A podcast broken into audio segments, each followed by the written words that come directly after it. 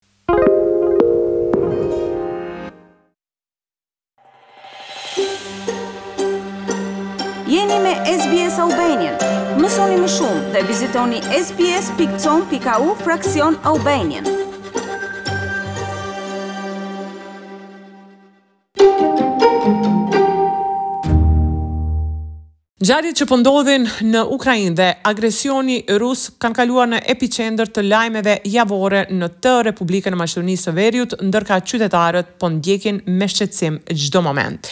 Agresioni ushtarak rus kundër Rusisë ka sjellur shumë humbje jete në njerëz dhe me të gjitha mënyrat dhe forcat ne duhet ta dënojmë ka qenë deklarata e menjëhershme e kryeministrit të vendit, Dimitar Kovaçevski. Dua të theksoj se së bashku me aleatët tjerë duam që kjo luftë të ndalojë dhe shekulli njëzet e një të jetë shekulli i dialogut dhe jo i luftërave. Dua t'i siguroj qytetarët tanë se gjendja e sigurisë në vend është stabile dhe në këto momente nuk ekziston asnjë lloj kërcënimi direkt për sigurinë në Maqedoninë e Veriut. Por për shkak të luftës Ukrainë-Rusi, kriza globale me energjinë dhe kriza ekonomike do të thellohet. Na pret një vit i pasigurt ku ekonomia në Evropë dhe botë do të pësojë dëme. Kjo krizë është një kërcënim i madh, por jam i bindur që së bashku do ta tejkalojmë dhe në këto momente nuk ka nevojë për panik, ka përfunduar kryeministri Kovaçevski. Për më tepër ndjekim deklaratën e tij. Vo ovoj moment, ne postoji nikakva direktna zakana Në këtë moment nuk ekziston asnjë kërcënim i drejtpërdrejtë për sigurinë e Maqedonisë së Veriut.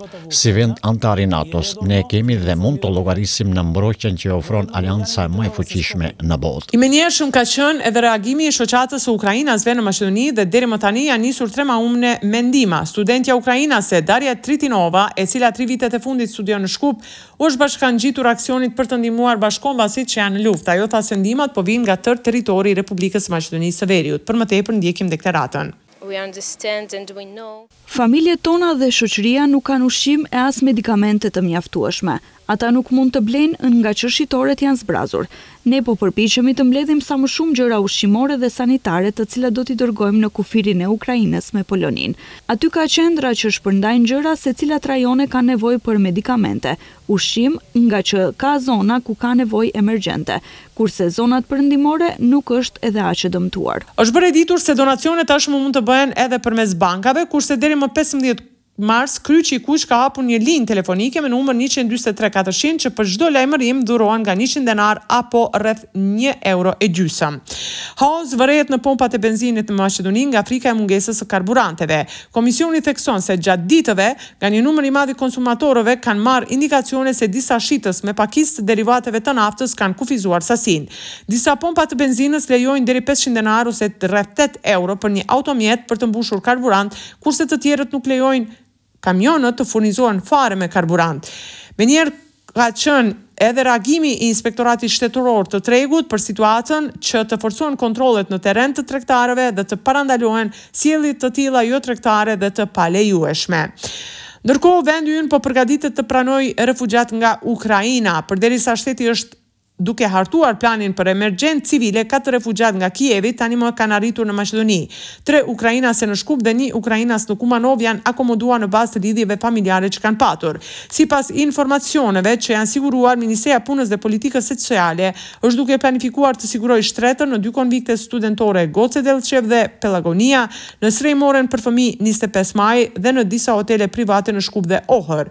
Institucionet akoma nuk shpalosin detaje, por thonë se janë duke detektuar lokacione të përshtatshme akomodimi dhe sipas vendimit të qeverisë, shteti duhet të sigurojë përfundimisht një strehimore dy konvikte dhe tre hotele për refugjatë ukrainas që pritet të vijnë gjatë javëve në vijim.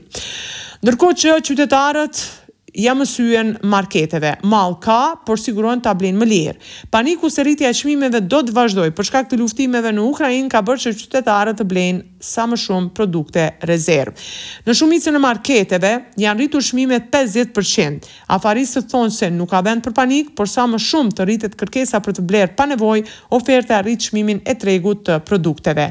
Ndjekim prononcimet e disa nga qytetarët. Nga mospasja e ushqimit mbase mund të gjejmë sërish në këtë kohë të pakohë. Të shpresojmë që nuk do të duhet aq, por na ka kapur psikoza, frika, kur të shohim se në markete nuk do gjejmë.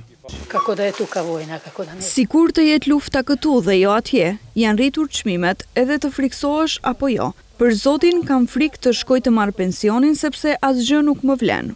Mbas çdo pandemi, Ka pas ka një luftë. Pandemia e parë ka nis lufta e parë botërore. Pandemia e dytë ka pas ka nis lufta e tretë. Pandemi ishte ai. Korona prap luftë, frika nga frika që Ndodh edhe këtu. Çka ndodh në kojshi i thujnë edhe, edhe në shpi. Në anën tjetër, Maqedonia e Veriut vendosi mbylljen e qiellit për Rusi. Në mbledhjen e qeverisë është vendosur që vendi t'i bashkëngjitet rekomandimeve të Bashkimit Europian dhe vendeve anëtare të cilat veçmë e kanë marrë vendimin për parandalimin e qarkullimit të kompanive ajrore ruse në hapësirën e tyre ajrore. Nga ky vendim përjashtohen fluturimet humanitare, të cilat janë emergjente. Qeveria obligoi navigacionin shtetëror që të fillojë procedurën për zbatimin e vendimit dhe të njoftojë autoritetet ajrore europiane për ndalesë për hyrje në hapësirën ajrore të Maqedonisë së Veriut për kompanitë të regjistruara në Federatën Ruse. Një vendim të tillë e ka marrë Maqedonia e Veriut. pasi të njëjtin e mori Finlanda, Irlanda dhe më herët Gjermania, Islanda, Suedia, Bullgaria, Republika Çeke, Estonia, Polonia dhe Britania e Madhe. Moska nga ana e saj ka ndaluar gjithashtu avionët nga disa vende të fluturojnë mbi territorin e saj. Për radion SBS raporton nga Republika e Maqedonisë së Veriut, Besiana Mehmedi.